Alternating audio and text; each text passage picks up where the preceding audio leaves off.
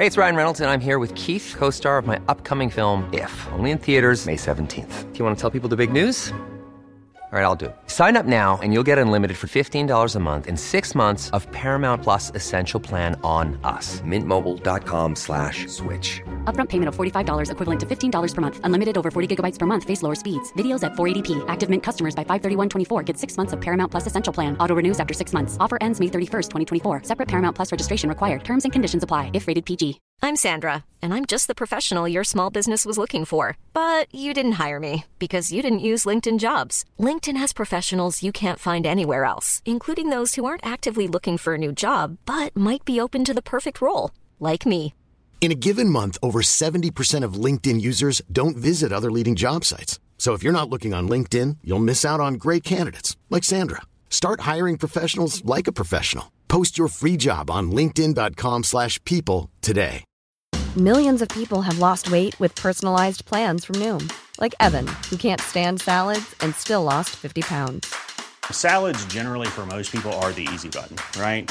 For me, that wasn't an option. I never really was a salad guy. That's just not who I am. But Noom worked for me.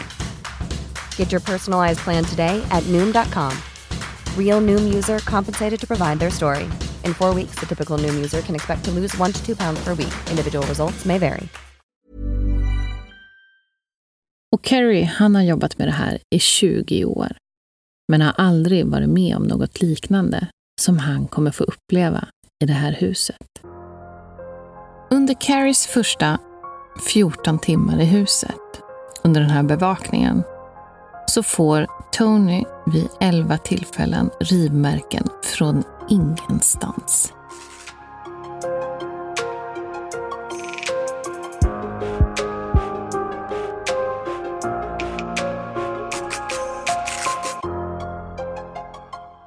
Ja, men då är vi framme på höjdpunkten. Fast äh, kan vi säga det? Ja, på, ja. Kan inte lova att avsnittet är höjdpunkten, men jag menar liksom dagen på året. ja, men faktiskt. Alltså, jo, imorgon, när vi, eh, vi släpper ju det här på söndag och dagen efter, då är det ju 31 oktober. Då är det halloween. Ja, så välkomna till avsnitt 23 av Söndagsmysteriet. Halloween special. Säsong fyra. Vi har, grejen är så här, ska vi Mm. säga det att nästa avsnitt som vi ska släppa Mm. tänkte vi ju egentligen skulle bli halloween-avsnittet. Mm. Men det här, som det känns som alltid när vi gör sådana här avsnitt, att de blir två avsnitt istället för ett. Ja, alltså vi, vi, vi hade ju en planering. Och den sprack ju. Som vanligt. Vi gick in på ett ämne och så bara insåg vi att jaha, nej, men bara min del blir ett avsnitt. Mm. Ja. Exakt. Så antingen var det liksom bara tjoff, komprimera och kör ett avsnitt, behåll planeringen. Mm. Eller ja, bygg ut lite och så lägger vi om planeringen. För Du jag, claimade det, du bara nu kör vi två. ja, det gjorde jag. Fick jag lägga på lite där. Jag bara, chefsbeslut. Jaha, eh, har du några halloweenplaner? Vi, eh, det, roliga är, jag hade faktiskt en, eh, en skolkompis till min son här idag och så pratade vi lite kort om halloween. Min man är ju supersugen på att dra ut ungarna i skogen som ligger bakom oss och ha en här halloween-promenad Oh, och skrämma typ skiten ur barnen. Jag bara, ah, fast de är kanske inte där än. Men han är så sugen. Och jag förstår honom. Alltså det där är ju min dröm att få göra. Jag Känner också att mm, det kanske är lite tidigt än. Hon kommer ju få men för livet, de där stackars barnen. Nej, precis. Utan man, man får mjukstarta. Ja, vi, vi kanske ska ha en liten spökrunda Ja, nästa år. Söndagsmysteriet, ja. halloween. kan vi inte Ja, styra gud, det? det är nästa idé. Trick or treat. Promenad. det? Ja. Mm. Ja, då ska jag säga, vi är bäst på att ordna sådana saker, ska jag säga. Ja, men det är vi faktiskt. Om man får skryta lite. Och gud, nu kommer jag att tänka på en eh, annan sak. Jag vet, tror inte att våra vänner lyssnar på vårt, eh, vår podd. Jag tror inte heller det. Så att det Jo, men kommer du ihåg när, eh, när vi var på ditt landställe så har ju vi, Åh gud. när vi var där och hängde med våra tjejkompisar, Ja, men det här är ju ändå jävligt roligt. då bestämde ju vi oss, vi hade ju tittat, dels hade vi tittat på lite så här klipp hur man kunde skrämma Skrämma folk. här. Ja, Men, ja, vi ska ju säga folk. det, det här skedde ju alltid liksom i typ början på september när det är Mm. alltså kolsvart. Eh, också då. Exakt. Och då så gjorde vi så att då hittade jag någon så här, jag för mig det var på min mobil, Mm. någon läskig ringsignal. Mm. Som var, det lät som nästan det var som någon man som skrek. Ja. Ute i skogen typ. Liksom. Långt bort. Ja. Långt bort, Ja. ja, precis. Det lät som att han blev typ torterad och bara försökte springa. Ja. Och... Ja. Ja, vi ska inte ens försöka likna det, men Så vi gömde min telefon eh, där ute någonstans, för du har ju ett dass. Så varje gång man gick på toaletten så var man tvungen att gå ut då till det här dasset. Så vi gömde min mobil där någonstans. Eh, och varje gång någon av våra vänner då skulle gå ut så satt ju du i smyg och ringde till min mobil. ja, just det, så gick det igång som en ringsignal. Och det lät så obehagligt. Och, Alltså de blev ju så jävla rädda. och de var ju men, men gud, det låter ju verkligen som det är någon som är i skogen. Mm. Vi hade så roligt och bara titta på varandra. Det är otroligt att ingen liksom förstod att vi höll på och skoja med dem. Kom, kom de alltid in där och bara, men gud, hörde ni inte det där? Är ju någon som, ja kom! Och då var vi tvungna att ringa igen. så att alla kunde stå där och höra, men gud, det är ju faktiskt någon i skolan som skriker. Ja, det var jäkligt kul. Och det roliga är, vi har ju inte berättat det här för dem, att det var vi gjorde. Nej, det är ju flera år sedan. Ja, så ett tips. Om ni vill skrämma så är det ju... Bra ni- tips på att kunna jäklas med folk. Ja, det är vårt halloween, eh, vårt halloween-tips till er. Ja. Varsågoda. Och det här får ni säkert rapportera om sen också om ni har provat det här. Och, och eh, om ni kanske har någonting halloween-tips att dela med oss så gör gärna det. Mm. Men jag tänker nu eh, när vi har avhandlat det, vad, vad vi ska göra på, på halloween, så vill vi också prata lite mer om The Sally House.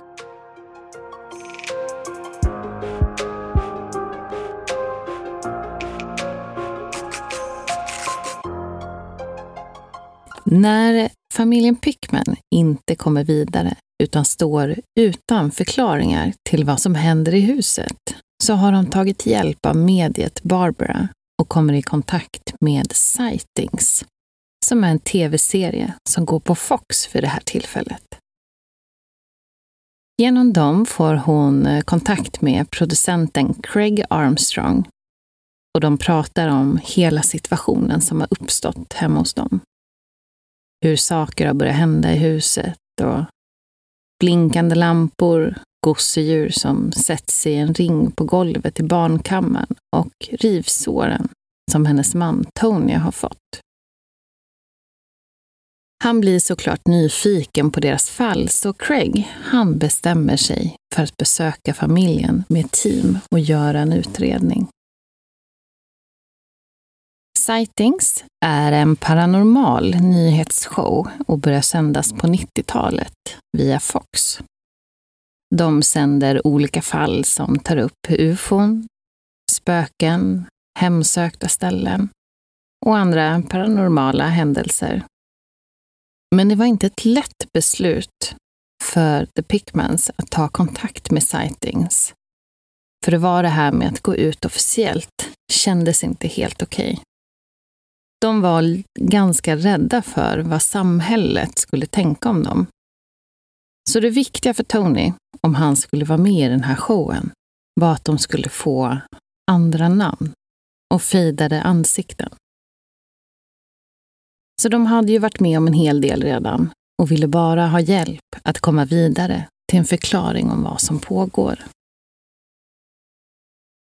Så det här sightings-teamet, de kommer flera stycken och de har bland annat Greg Cook som leder showen och han såg över teamet när de var på plats. Han är själv lite av en skeptiker men upplevde hela utredningen som otrolig och intressant. För alla upplevde saken när de var där, även i klara dagsljuset. Alla som kom in i huset kände samma sensation av kyla. Och det var en energi som rörde sig runt i rummet. I programmet så kommer de att intervjua Tony och Deborah Pickman. De tar in en mängd olika utrustning för att monitorera huset och ha sessioner där de försöker få kontakt med det som de tror är en poltergeist. De kommer lyckas fånga både det ena och det andra på film och ljudinspelning. Bland annat så har de Howard Heim, en eh, utredare som har dokumenterat över hundra hemsökta ställen över världen och blir en av de första utredarna som Sightings tar in i huset. När de går runt i huset och Deborah ska visa barnkammaren så känner hon plötsligt hur Sally kommer in. Howard tar fram mätaren för att mäta elektromagnetism och den här mätaren, den pikar. Det blev en stor förändring i rummet och även kylan blev påtaglig. Al Rober var också en av de paranormala utredare som Sightings tog dit just för att samla data på plats. Så han hade utrustning som kunde mäta elektromagnetisk energi och temperaturförändringar. Han fotograferade och undersökte objekt som skulle ha rörts av entiteten och i vissa fall till och med börjat brinna. Plötsligt, där de står i rummet, så känner de i ett område hur det är någonting som flödar förbi. Det kommer som i omgångar, svepandes. Kallt och ett klickande ljud kunde fångas upp av utrustningen. Temperaturen sjönk plötsligt och graden av elektromagnetism ökade vid de här svala områdena. Och från ingenstans hade Tony fått ett rivsår på armen. Tunna, tunna rivsår som små droppar med blod trängde ut ifrån. Det blev lite uppståndelse i teamet. Men det här kommer inte bli sista gången de får se något liknande. Al Roberts som var där och gjorde de här mätningarna gav några rekommendationer till paret. Det var att fortsätta dokumentera. Ta bort leksaker och sånt som verkar uppmuntra den lilla flickan. Kanske lite tvärt vad de tidigare har fått för råd. Och sightings har bara börjat. Men efter en kort stund hos familjen så bestämmer de sig för att fortsätta sin utredning över vad som sker i huset. De kommer att under flera månader följa och analysera händelser hos familjen Pickman och bland annat tar de in den paranormala utredaren och mediet Peter James för att få klarhet i fallet.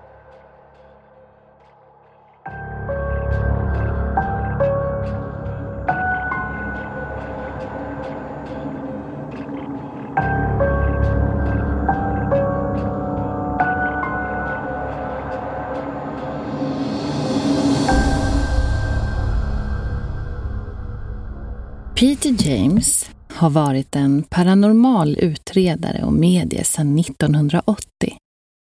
Han hade vitt stort hår och en stor mörk mustasch. Han gick bort 2007 och var med i början på flera stora spökjaktsshower som sändes på den här tiden. Han har studerat spöken och det paranormala ända sedan han hade sina egna upplevelser redan som sju, åttaåring. Det här var i lägenhetshuset där han växte upp och så såg han små barn springa omkring. Och när han såg dem så kände han också en doft av rök. Men det visade sig att det var tre unga offer för en lägenhetseld i huset där han levde i Rochester, New York. Han hade haft dem som lekkamrater i tre år och hade alltså sprungit runt och lekt med dem i huset. Han lärde sig genom dem att kommunicera och utforska den paranormala världen just tack vare dem. Han var i militären efter det och så blev han intresserad och verkade just ha fallenhet av att kunna kommunicera med andra sidan. Människor blev ofta chockade över vilka detaljer han kunde ge för personer som han mötte. Sån information som man inte hade gett ut. Han har släppt flertalet böcker, gjort många utredningar, spökturer, men även hjälpt polisen i flera utredningar. Ingenting som han pratar om i media, men hans trovärdighet är väldigt viktig för honom. Så sen kom hans medverkan i Sightings att hålla i sig i åtta år. Och det var just det här fallet, The Sally House, men också kallat Heartland Haunting, som gav honom ett större namn. När Peter kommer till huset har han inte fått någon information om familjen eller vad som upplevs här. Han hade inte fått se något material som programmet hittills hade spelat in. Och när han kommer till huset så går han längs gången och stannar till då han ser någonting röra på sig på övre våningen. Det är i det övre fönstret som han får en glimt av ett ansikte. En liten flicka. Och det är ju precis det som Tony har sagt att han har sett. Peter börjar med att gå runt i huset för att känna in det. När han kommer till trappan mellan de två våningarna så stannar han vid foten av den och tittar uppåt och sträcker upp armen och pekar. Där står en liten flicka. Precis där, säger han. Han försöker få kontakt med flickan och går långsamt upp i trappen samtidigt som han frågar om hon heter Sally. Vilket man ser också i produktionen att det chockar teamet just att han säger Sally. För det är ingen som har pratat om Sally med honom. Teamet kommer senare kort också in på prata med en kvinna som tidigare bott i huset. Hon hade hört talas om en flicka vid namn Sally, men där och då trodde hon att det var hennes dotters fantasi. Hon hade bott i huset under åtta månader, som hennes dotter på fem år hade fått en vän som hette Sally. Ibland kunde dottern påstå att det var Sally som hade gjort något hyfs, eller att Sally hade övertalat henne till att göra något. Men tillbaka till Peter. Han går runt i huset och vid en dörröppning stannar han till och känner väldigt mycket motstånd. Vad som än är i rummet vill inte ha honom där. Han försöker återigen få kontakt med det som finns där, varpå Tony ger ifrån sig ett ljud Peter känner som ett slag eller ett grepp runt sin handled. När man väl lyfter på Tonys tröja så har han fått rivmärken på sin rygg, formade som bokstäverna M och C. De här rivmärkena var helt färska och med små droppar av blod som trängde ut ur rivsåren. Alla blir lite chockade och man har svårt att förklara vad som precis har hänt. Sightings-teamet hade även en analytiker som tittade på familjens foton som de tagit. På många av dem så var det stora områden som var alldeles blurrade. Man trodde att det var en manifestation av det som nu fanns i huset. Flertalet var tagna i barnkammaren där nyfödde Taylor låg i sin spjälsäng. Och det var som en stor skugga som står över sängen. En bild, tagen i barnkammaren, gjorde teamet väldigt konfunderade. Zoomar man in så ser man ett block som ligger på en byrå.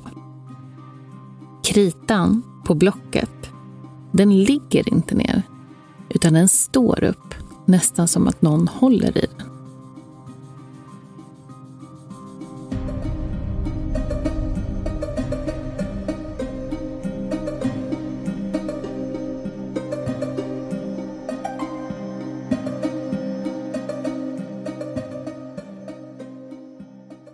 Edson Williams var en av dem som analyserade alla de här fotografierna och han försökte återskapa det de ser på bilden.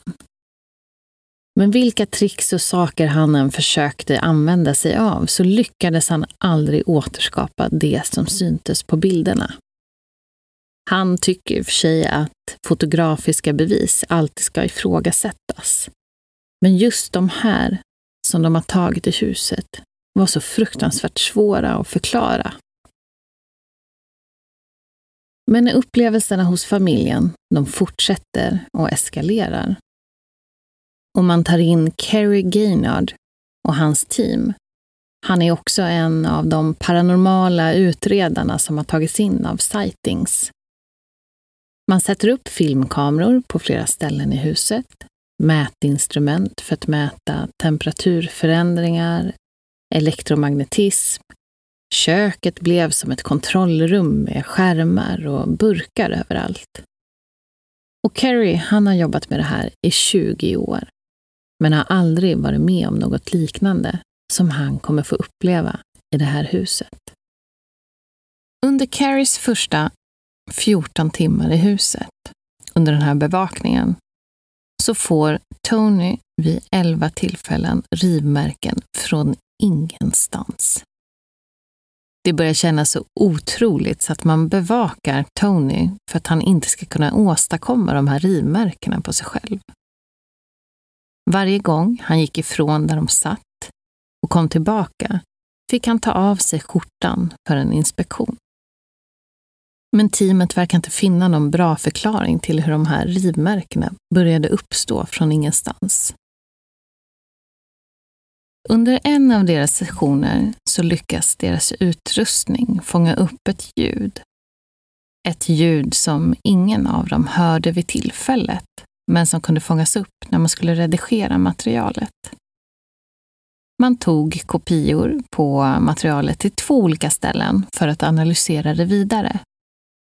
Bland annat till Rick Wilson, VD för Digisonics. Han var en vad ska man säga, en utredare av ljud som både jobbat med FBI och CIA och analyserat svarta lådor för FAA. Han letade efter olika karaktäristiska ljud, men han kunde inte hitta något som pekade på varken att det var ett elektriskt ljud eller mekaniskt. Det var en väldigt låg frekvens på ljudet, så låg att det inte kan komma från en människokropp.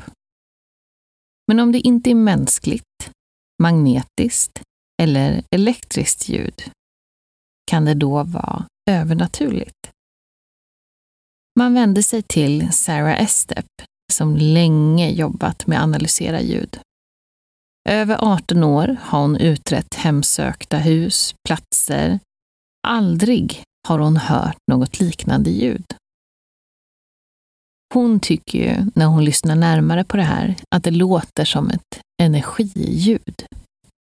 Det är intressant också att det kommer precis efter att man har haft en session där man frågar om Sally finns där. Och det lät så här. For you to show them that you're really here. No one in the room heard a response, but our videotape recorded a chilling sound.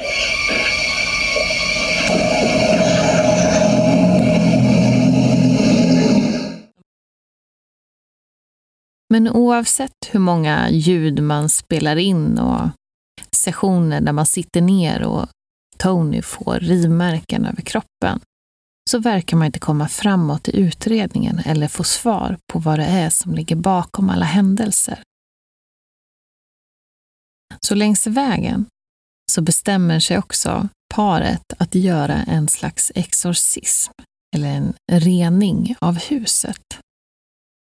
På något vis får de kontakt med en indiansk schaman som kom för att hjälpa dem.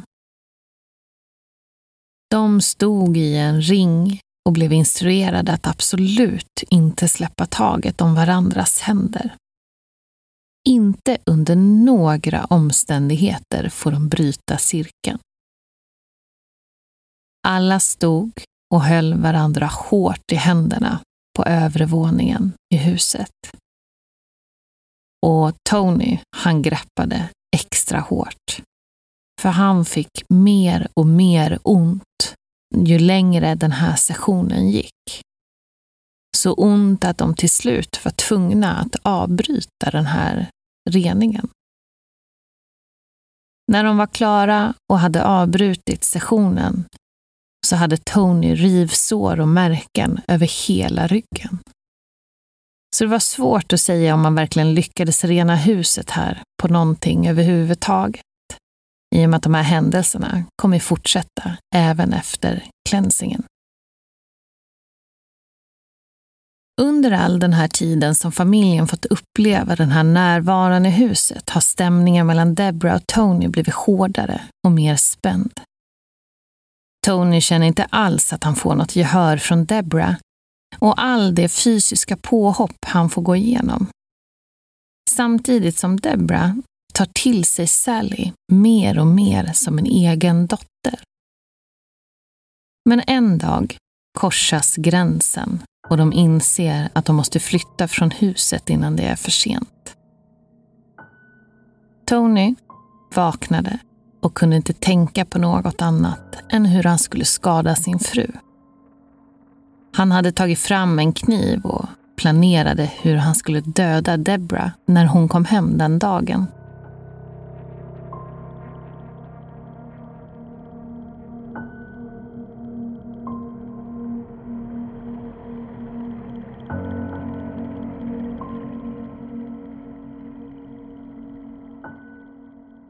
Den morgonen hade han kommit ut ur badrummet när något slår honom bakifrån.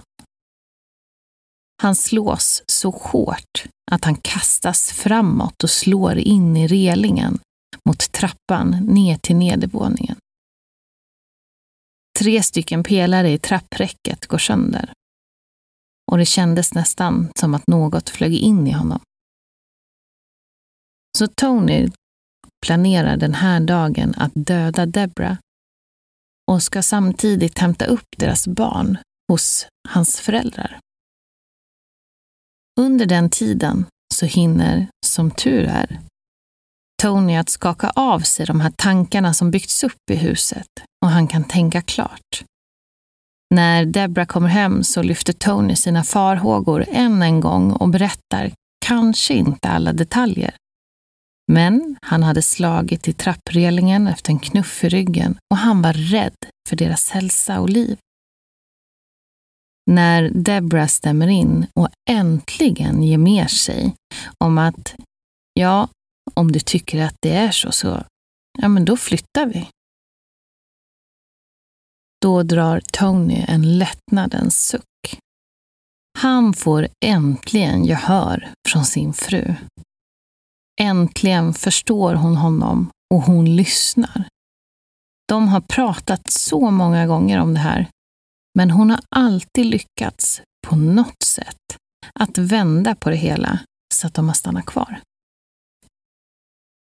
Och på en vecka hade familjen sedan flyttat från huset och de började leva vidare tillsammans på en annan adress.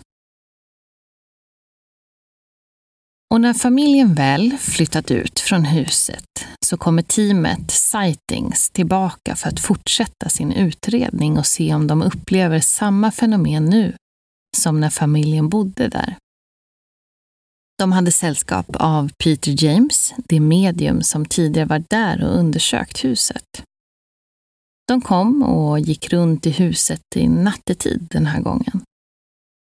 Man får se vid ett tillfälle hur teamet går runt med sina nattlampor och letar efter tecken på aktivitet. De går upp på övervåningen till ett av rummen längst bort från trappsatsen. Här börjar de känna en närvaro. Som en kyla i ett litet område. De tycker sig höra ett ljud, som ett slags mummel. Och sen är det som att Peter blir kallad ner längs hallen mot den gamla barnkammaren.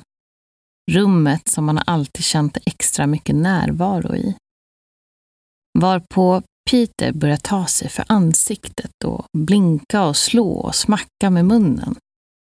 Han börjar se tagen ut och han förklarar det som att det börjar brinna i mustaschen och i ansiktet. Så här, enligt Peter, finns det ingen tvekan om att de här entiteterna finns kvar i huset och att de kommer inte försvinna i första taget. Teamet är kvar i huset på grund av sina utredningar och familjen Pickman kommer förbi. De är tillsammans och sätter sig ner för en liten session med livefrågor. Vilket kanske låter lite spännande på den här tiden, men det var faktiskt möjligt. Så de hade en liten skara som följde den här showen live.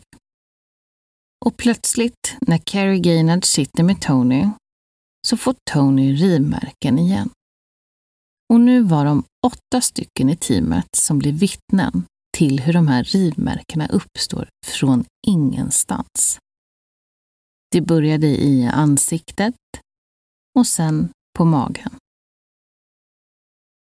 Och när de senare ställer sig upp för att gå runt i huset så hör man hur Tony kvider till och det är som att hans knän viker sig.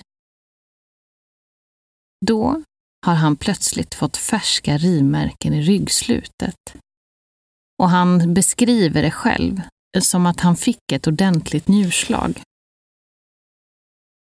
Men det är fortfarande ingen i teamet som kan ge en ordentlig förklaring till vad som sker och vad det är som orsakar de här rivmärkena på Tony. Men när familjen nu befunnit sig också i sitt nya hem så hoppas de att få lite mer lugn. Men kort därpå, ett par månader senare i januari, när Debras bror och fru kommer på besök, så förändras det. De satte sig till bords vid middagen och Tony börjar plötsligt känna sig illa till mods. Det är en välkänd kyla som sänker sig över honom och han ursäktar sig snabbt från bordet för att prata med Debra och berättar hur han känner igen den här kylan från deras tidigare hem. Debra lyfter sakta på skjortan och där ser de flera rivsår över magen.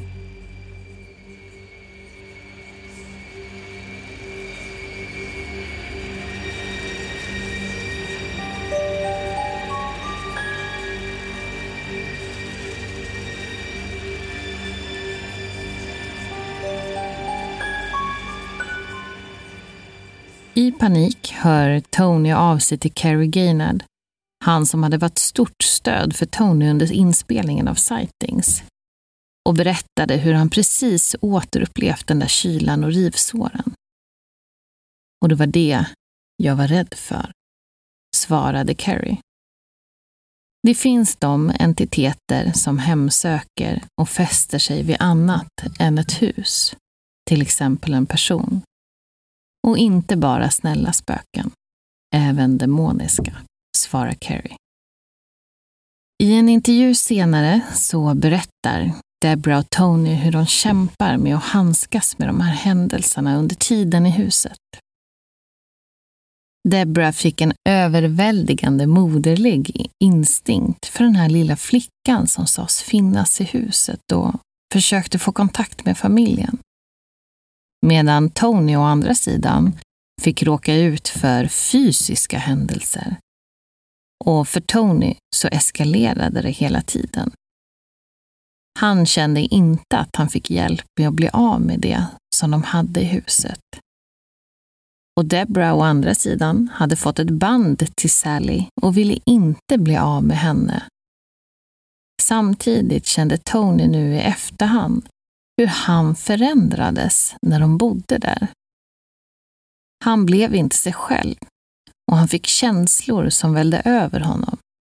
Tankar över att vilja skada sin fru. Men familjen Pickman flyttade till slut iväg och en ny familj flyttade in. Och än idag kan Tony och Deborah känna av saker i sin närvaro, men har lärt sig att hantera saker bättre än förr.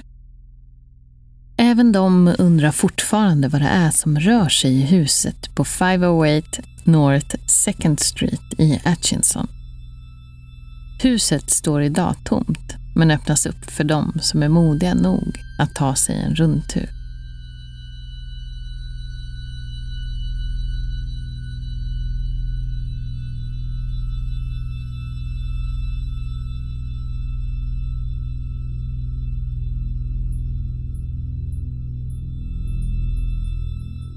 Det finns många tankar, teorier och legender kring vad som faktiskt ligger bakom det som spökar i The Sally House.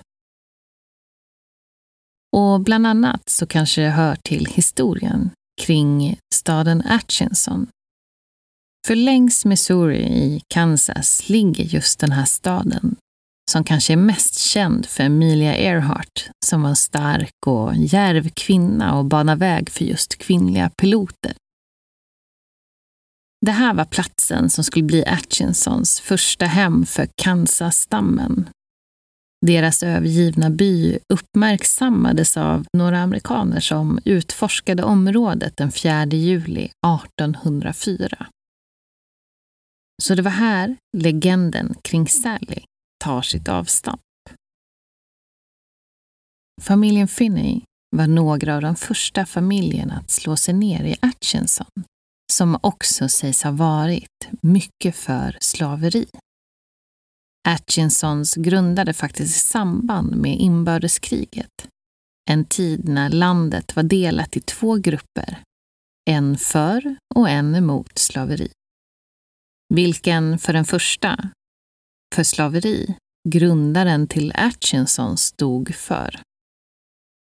Hans mål med Atchinson var att en stad skulle vara öppen för slaveri. Men det var inte långt senare som krafterna för att avskaffa slaveriet lyckades ta över. Michael Finney, han kom med sin fru Kate till staden och köpte mark för att bygga sitt hus. Han började 1867 och blev färdig 1871. Tyvärr så hann han inte njuta så mycket av sitt hus då han kort därpå, 1872, dog och lämnade sin fru Kate, som var gravid, och deras två söner James och Charles och deras dotter Agnes. Åtta månader senare så kommer sonen Edwin men han dog tyvärr innan han blir två år gammal. Och det är det här huset som Michael Finney har byggt som sägs senare kan ha varit The Sally House. James, ena sonen, byggde ett hus bredvid huset som de bodde i. De gjordes 1879 men han hann aldrig få någon ro i staden och lämnade över huset till sin mor. Charles Finney, son till Michael och bror till James, utbildade sig som ganska ung till doktor och startade upp en egen klinik. När brodern James fick en stroke så kom han att behandlas på samma sjukhus där Charles jobbade och efter att han har gått bort så blev hans hus överlämnat till en kvinna som hette Johanna Barnes. Johanna var nyskild trebarnsmamma med en till på väg. Hon hade varit inlagd på institution för mentalt sjuka och anteckningarna var att hon var väldigt våldsam. Men sen sägs det också olika saker, att Johanna gav huset till systern Agnes och gav sig av med sina söner, medan andra säger att hon försökte ta sitt liv och sina barns liv genom att sätta på gasen på spisen och lagt sig för att dö. Hon ska ha överlevt, men inte barnen. 1947 så dog Charles Finney i sitt hus på 508 Street. Det är några år som det inte finns några tydliga anteckningar över vem som har bott där. Men 1958 har vi en Ethel Anderson som flyttade in och bodde där tills 1990. Och sen kommer Tony och Deborah Pickman flytta in 1992. Men enligt legenden som ännu lever kvar så har vi Charles och hans fru Louise Seibold som bodde i det så kallade Sally House. På övre våningen bodde de medan han hade sin klinik på den nedre. De träffade många i området och var välkända i samhället. En natt knackade på dörren och han hoppar ur sängen. Han sprang ner för att titta vem det var och han kände genast igen kvinnan som stod där utanför. Det var hans tidigare hembetjänt som stod där. En kvinna som han för flera år sedan sägs ha haft en affär med. Kvinnan hade med sig en liten flicka på sex år som hade hemska magsmärtor och behövde vård. Han förstod direkt när han tittade på flickan att det förmodligen var hans dotter. De frågade om de egentligen skulle åka till sjukhuset, men han var ju alldeles för rädd att det här skulle komma ut och förstöra hans liv om de skulle ta sig dit.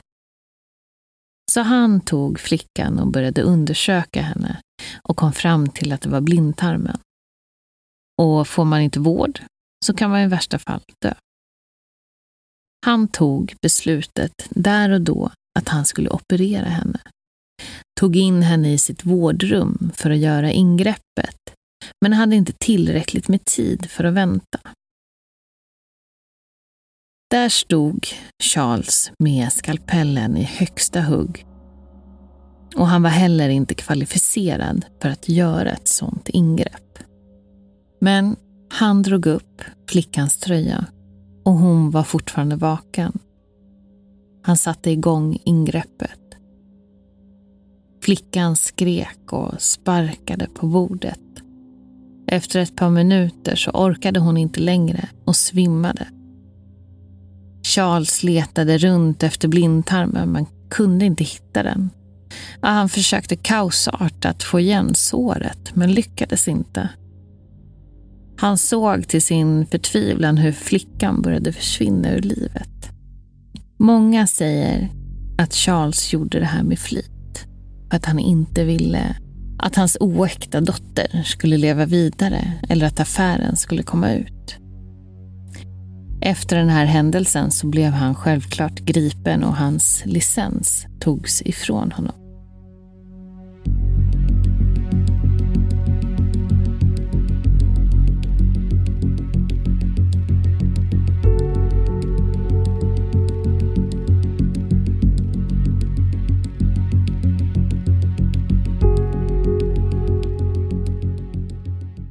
Idag är det ingen som bor i huset på 508 North Second Street. Men det finns en kvinna som idag har nyckeln till huset och öppnar upp för dem som vill komma dit och göra en utredning. Hon har gjort det nu i säkert mer än två år. Och hon har även haft egna upplevelser i huset. Bland annat så tog hon en magiker som var på besök i stan till huset. Hon gick samtidigt runt och fipplade med ett par stenar i sin ficka på jackan. De gick runt i huset och visade runt och sen kör hon tillbaka honom och inser att hennes stenar är borta. Varpå han svarar att de är säkert borta. Eller de är säkert borta i huset. Så hon hittar dem säkert om hon åker tillbaka. Men hon hittar dem aldrig igen. Och hon är fast övertygad om att det är någon som skojar med henne. En gång när hon var där med ett gäng vänner som skulle visa runt i huset. En gång så var hon även där med en kille som skulle gå runt och ta några foton i huset. Då kunde hon inte hitta en docka som alltid brukade finnas där. En klassisk eh, Raggedy Ann-docka. Och när den här då killen hade gått iväg så skulle hon ta med nästa person på tur i huset. Och då hittade hon dockan hängandes i ett annat rum där den inte var innan. Och killen från den första turen hörde av sig då han hade gått runt och spelat in ljud under turen. Och då hör man hur de två går runt i rummet och hon, hon undrar högt var den här dockan kan ha tagit vägen. Då hör man en tredje röst viska There.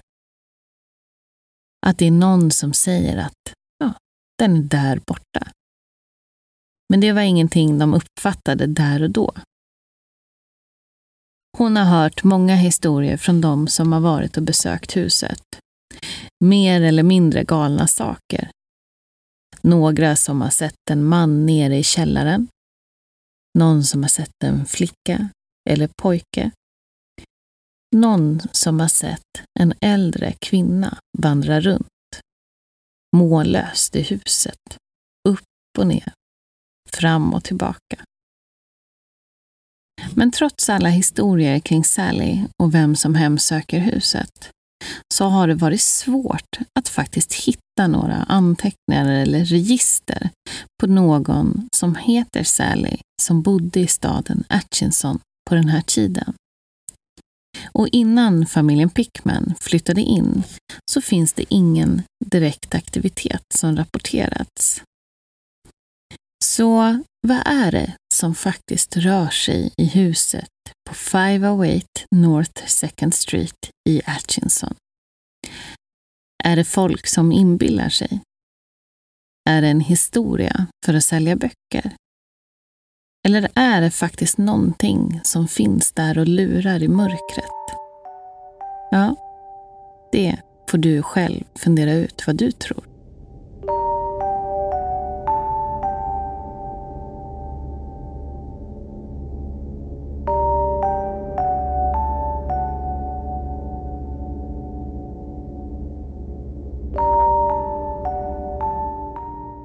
Ja, det kan man ju verkligen fundera på. Vad man tror mm. att det är för någonting. Vad tror du? Åh, oh, jag har så svårt. Jag har så svårt för det. Jag tittar på så mycket videos. Eh, mm. Och utan att ha varit där själv så känns det som att alltså, det finns någonting där.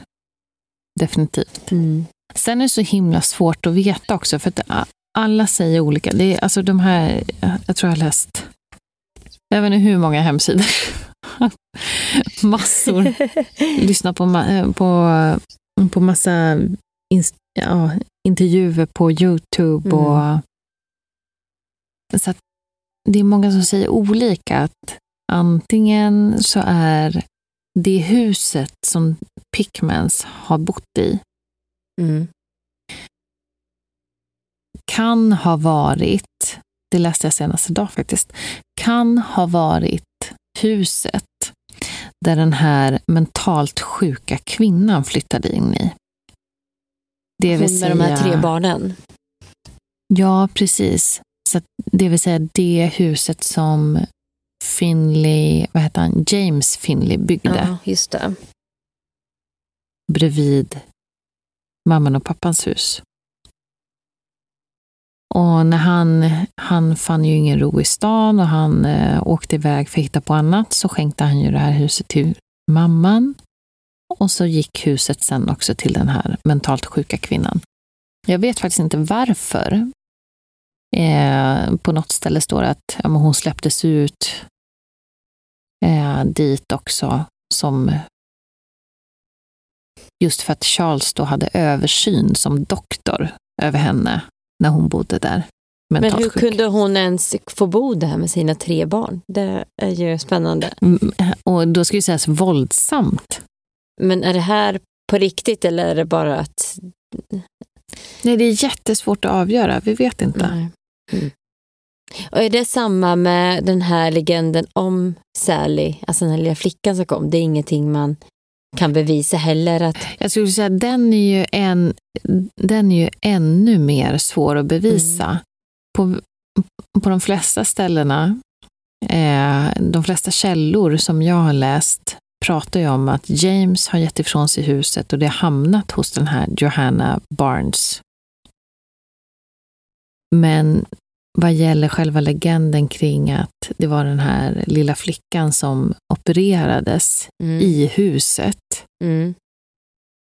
Där finns det liksom inga register egentligen på att det överhuvudtaget har funnits någon Sally i den åldern i Atchinson Nej, just det. Okej. på den tiden. Mm. Eh, Men vet det man finns vem också läkaren var? Alltså bodde han där på riktigt? Ja, alltså läkaren är ju Charles Finney. Jaha, okej. Mm. Mm. Så mycket namn där. Så han är läkaren. Men eh, där är det också lite motsträviga, vad ska man säga, berättelser. Vissa hävdar ju att nej, han har absolut inte haft sin egen eh, klinik hemma i huset. Utan han har faktiskt haft det på ett annat ställe.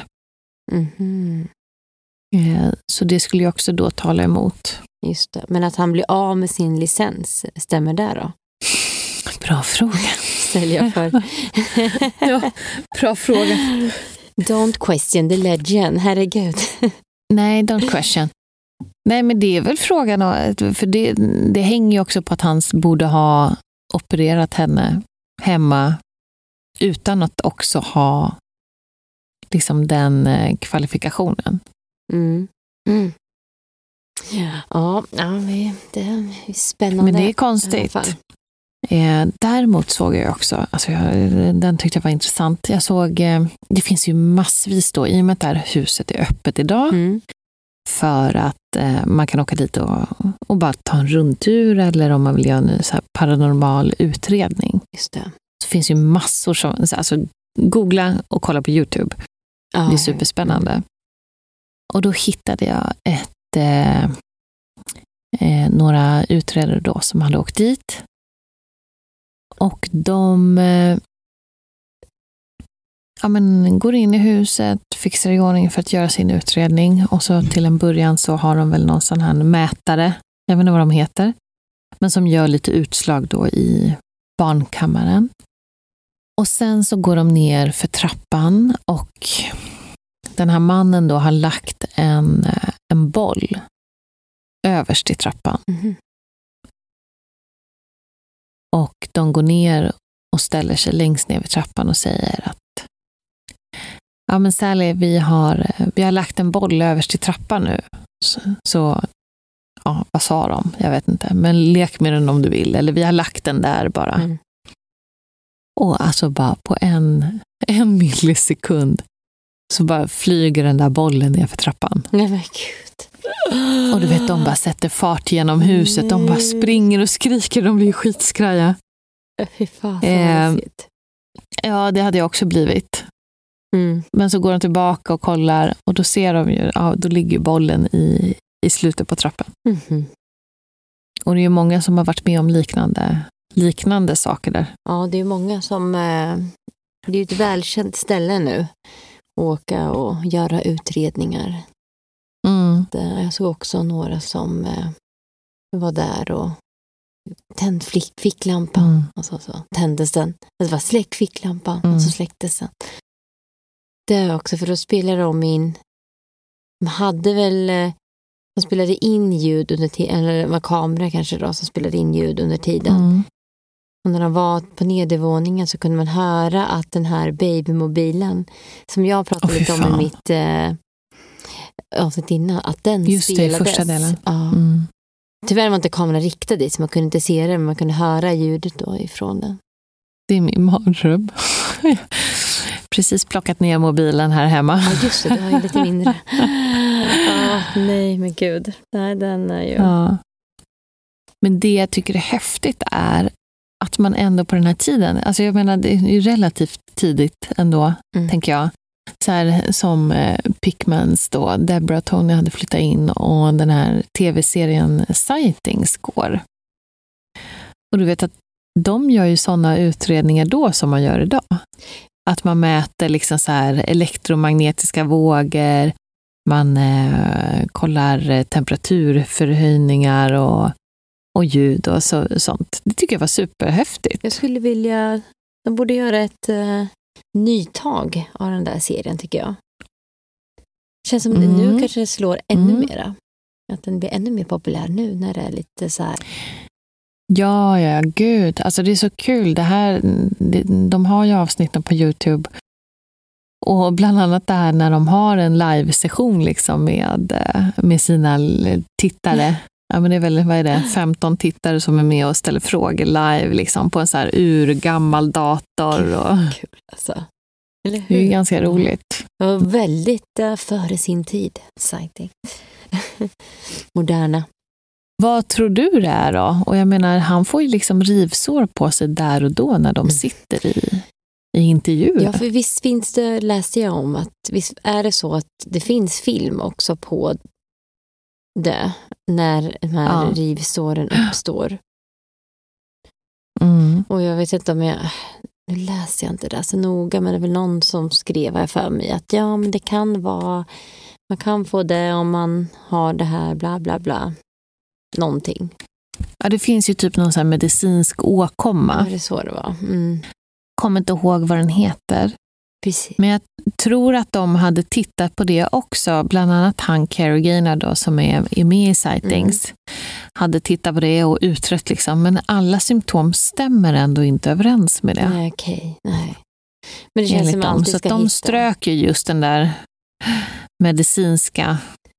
Men jag, för då undrar man, så här, hur långt ska han gå, Tony? Eller ja, i och för sig, det kanske inte är att... Eh, Jaha, mm. då har man en sjukdom ja, alltså som gör att det blir så. Är det så det var? Ah, ja, okay. exakt. Mm. Ja. Man, man tar medicin så blir det... Nej, så, så ja. betyder medicin. så trög. Um, ja, nej precis, så skulle det i och för sig kunna vara. Men det kan ju också vara så att man vill ha uppmärksamhet. Ja, ja, precis. Ja, men om vi tar dem då, Tony och eh, när de jag tyckte det där var spännande när du berättade det här med blocket. Var det en krita som hade stått upp? Finns det ja. att se? Det? Ja, det finns att se. Du... Jag satt och kollade på den här bilden också länge och väl och jag tycker fan den där kritan står fan mm. upp, den ligger inte ner på pappret. och då hade de ju någon kille som analyserade de här bilderna och de har ju verkligen försökt återskapa till och med om man skulle försöka fejka ett sånt mm. foto. Liksom med, med trådar och, och allt vad det nu kunde vara. Men det gick liksom Nej. inte. Men gud, vem orkar hålla på alltså, och göra, fejka sådär mycket grejer? Jag, menar, jag skulle kunna få den känslan för Debra. Mm. För att hon känns inte lika anonym Nej. som Tony. Nej. Men hon får ju ändå inga så fysiska men. Det är ju Tony som får det. Och just den kombinationen då, det där det inte klaffar. Nej, jag håller helt med. Mm. För jag har också tyckt att, för han känns som du säger, han känns mer anonym på något sätt. Nej, han var ju verkligen eh, så här brydd om hur samhället skulle mm. uppleva honom också, när de gick ut till sightings. Ja, han ville ju verkligen inte det till en början. Så det är frågan alltså. Det är himla svårt det där. Däremot hur mycket som helst blir svårt också att ja, men du vet, hitta på. Om man tänker att de har hittat på allting och gjort det här till en jippogrej. Och, alltså jag menar, hon har ju ändå skrivit en bok också långt senare. Det har hon gjort. Hon har ju skrivit bok Tillsammans med sin syster, va? Så, tror jag. Ja.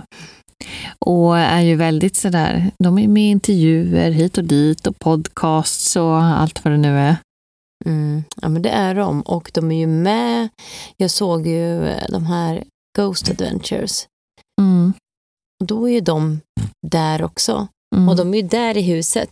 Mm. Eh, inte hela tiden utan lite stund i början. Mm. Men det kan ju också bli så här, men gud, allt du har varit med om, varför mm. går du tillbaka till huset? Nej. Det är så här, eller ja, samtidigt så upplever han ju saker eh, där han bor nu också. Och de mm. försöker bara hantera det, så det kanske inte egentligen spelar roll.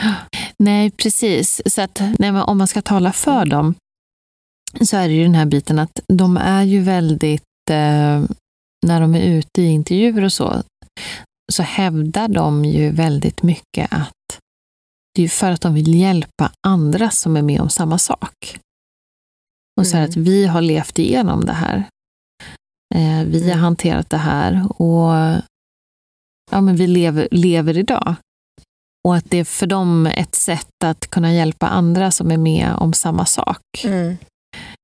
Eh, vilket i och för sig då kan tala för att ja, men de är lite mer, kanske är på riktigt. Ja, man kan ju inte bara, bara för att Det är någon inte bara en så här, alltså utåt och pratar om vad som har hänt så ska man inte vara trovärdig. Det känns ju Mm. också fel att det ska behöva vara så. mm, Att Verkligen. man eh, ska behöva hålla det för sig själv för att man ska bli trodd Mm. på. Men det är ju så här, det är också konstigt. för att Om man varit med om det kanske man vill prata om det och liksom få ut det. Det kanske är en bearbetning på något sätt också. mm, Att, eh, och så bara, nej men det här händer, det här finns. Så att vi tänker säga, skiter i vad ni tror. Det här händer. mm. Ja, jag håller med. Men det var så läskigt, jag läste ju, när jag lyssnade på en intervju tror jag med honom, Tony. Och han, då berättade de lite det här, att, eh, hur de fortfarande upplever saker hemma. Och att han, Mm, alltså att han har någon så här riktig dragningskraft fortfarande till huset. Vilket gör att, ja, Gud, och han känner att ehm, men någon gång har han till och med vaknat upp att han står alltså, barfota, jag vet inte, han kanske inte har så mycket kläder på sig heller. Att han vaknar Ja. upp då och står framför huset. Som att hela hans kropp Mm. vill bara gå tillbaka dit. mm. Ja, jag hörde det också. Ah, ah. Fruktansvärt. Man blir aldrig av med det. Så Nej, men man fruktansvärt. vill ju inte in det om man, Nej. det liksom inte finns en chans Definitivt att man kan inte. bli av med det. Nej, fy alltså. Det där är ju... Nej. Men det, det jag tyckte var intressant också var att lyssna lite på hon, eh, det var en kvinna då som eh, håller i den här eh, och hon, och hon är ju typ vaktmästare för huset då. Alltså hon håller nyckeln. Och släpper ju in då om det är folk som vill komma och gå en tur och sådär. Men hon säger det att alltså hon vill ju inte stämpla som att det är något fel med huset. Det är inte huset som är utan att det händer saker där ibland Mm. eh, och ibland inte. Och hennes liksom, perspektiv på det låter lite mer som att alltså det är mycket möjligt att det kanske snarare är en slags eh, typ portal eller hotspot. Du vet, och ibland bara är det jättemycket som händer där och som dras och, och sådär. Och ibland är det lugnt. Och jag tycker det var så himla intressant att höra just att det låter ju inte helt orimligt Nej, heller. Det kanske är det på alla de där hemsökta husen som finns. Det är liksom att där Mm. är det portaler. Och då kommer det ut och in. Ibland är det mycket, ibland lite. Och sen när det kommer det ut något som fäster sig då på de som bor där. Och... Så där vill man inte bo, i en portal. Nej, det vill man inte. Märker man att man bor i en portal, då är det bara att flytta helt enkelt. Men det kanske är för sent då, Helst. om man blir som Tony. Kanske Ja. någon som hänger kvar. Usch, nu får jag så här... uh, Nej, det kommer säga läskigt att sova nu. Nej. Ja, jag vet. Det är, det är inte roligt. Nej, jag tycker det är superintressant sånt här. Och särskilt också eh, det här ljudet som de har fångat upp. Alltså det låter ju typ som ett så här urvrål. Eh, när de har teamet där och de sitter i en session och så frågar de ju, eller ber då Sally ge något så tecken på Vad är det att du spelade upp? ja, hon Ja. finns där. Mm. Och bara höra något sånt och man bara, mm, ja men det är det som finns här. Ja, Gud vad absolut. trevligt. Vad fan är det? Åh, då tänker jag på det som han beskrev, liksom någonting mellan, jag vet inte, vad sa han, Tony? Som så djur och människa och helt, uh, någonting som man Ja, du inte tog känner inte igen. upp det, eller hur? Ja, men du pratade väl om Nej, det? men jag tog när han såg bara kvinnan, men sen en gång har jag ju sett Gjorde du inte när det? hon blev när kröp maskar. Kommer du ihåg den eller? Nej, eller fan, jag kommer inte ihåg alltihopa. Men jag vet ju bara att det, det var ju en, vid ett tillfälle när han låg i sängen, tror jag. Och det började liksom närma sig någonting. Och det var ju som att han blev helt förlamad. Och jag tror, nej men för det tror jag, det han pratade om i en sån här intervju. Mm. Eh, som man har lyssnat på. Och han har svårt själv förklara vad det är för någonting han tittar på helt plötsligt. Mm. Men det är ju som något liksom svart och mix mellan djur och människa och övernaturligt. Ja. Han kan liksom inte förklara det. Bara en massa eh, som är äcklig och, och som du sa, ja, Ja, maskar ju- eh, som kryper in i det. Ja, han pratade om att det var maskar som kröp igenom inte, ögonhål. Nej, jag kommer inte ihåg. Typ som ruttet kött. Ja. Typ. Att det var som ruttet Ja. kött, det kommer jag ihåg att han Ja. berättade om. Och då så lägger man på det där vrålet. Då bara, mm, jag hade inte gått tillbaka till det huset. Ja, nej, det... Och då undrar man ju om det verkligen var en liten flicka. Då känns det som Ja. det är något annat som är där. Exakt. Eller så finns det fler saker som, ja, det... Ja, men det är möjligt. Definitivt möjligt. Vart... Eh, alltså det finns ju... Jag, jag rekommenderar ju er Åka att eh, gå ut på Youtube och, och lyssna. Eh, både på intervjuer och kolla de här gamla videosarna. För jag tycker det är jättekul att, Mm. att titta på. Bland annat han då, Peter James, som är ett medie då som eh, Var verkade på den tiden. hår, eller? Det är ju faktiskt också jättekul att Ja. se. Han har vitt hår, stor Just mustasch. Jaha, skulle jag vilja se lite. Eh, känns väldigt Ja. genuin. Mm. Peter James. Ja, det var spännande att han kände, och det är det också. Visst, de gör ju en show, han kanske får betalt. Så att, ja, men samtidigt, Ja, fast han jobbar ju också väldigt mycket för polisen och sådär och är väldigt... Eh, jo, jo, han kanske fick betalt för att vara med i showen. Och då, så, att, Ja, det får han ju definitivt. så det finns väl han alltid eh, ja, argument till alla delar, men att han Mm. då ändå sa namnet Sally. Så att Ja, om man ändå tror på det här så är det ju flera personer, då är det ju inte bara Tony och eh, Debra som nej, hittar på det här, utan att exakt. då har vi han och sen har vi ju den där som bodde där innan. Mm. Precis. tjejen då som hade Sally som en liten kompis. Ja, jobbigt när man inser det. Eller hur? Bara, jaha, nej, min dotter, jag trodde hon hade en fantasikompis. Och så bara, ja, det kanske är samma som ni snackar om. Det vill man ju gärna inte höra. Nej, inte så roligt. Nej, men spännande fall. Och, Spännande eh, fall, ja. ja. Det har ju hänt väldigt mycket där och finns mycket utredningar, så det finns mycket att gotta i. Nästa avsnitt då, det blir Mm. ju... ehm, Nästa avsnitt blir lyssnarberättelser. yes, yes. Vi har faktiskt fått in ett, ett helt gäng. Eh, fortsätt skicka in. För det är Ah. superkul att kunna få delge era berättelser. Om vi inte hinner ta med dem till nästa avsnitt som blir då så kommer vi ju garanterat ha något sånt här avsnitt igen och ha lite lyssnarberättelser. Så vi ser hur många vi får in, om vi får tillräckligt eller om vi måste ta lite ifrån Reddit. Ja, men härligt. Jag hoppas att ni har haft en trevlig lyssning eh, och kanske inte sover lika gott innan. Och sen så att ni har en härlig halloweenvecka. Glad halloween på er! Ha det bra. Hej då.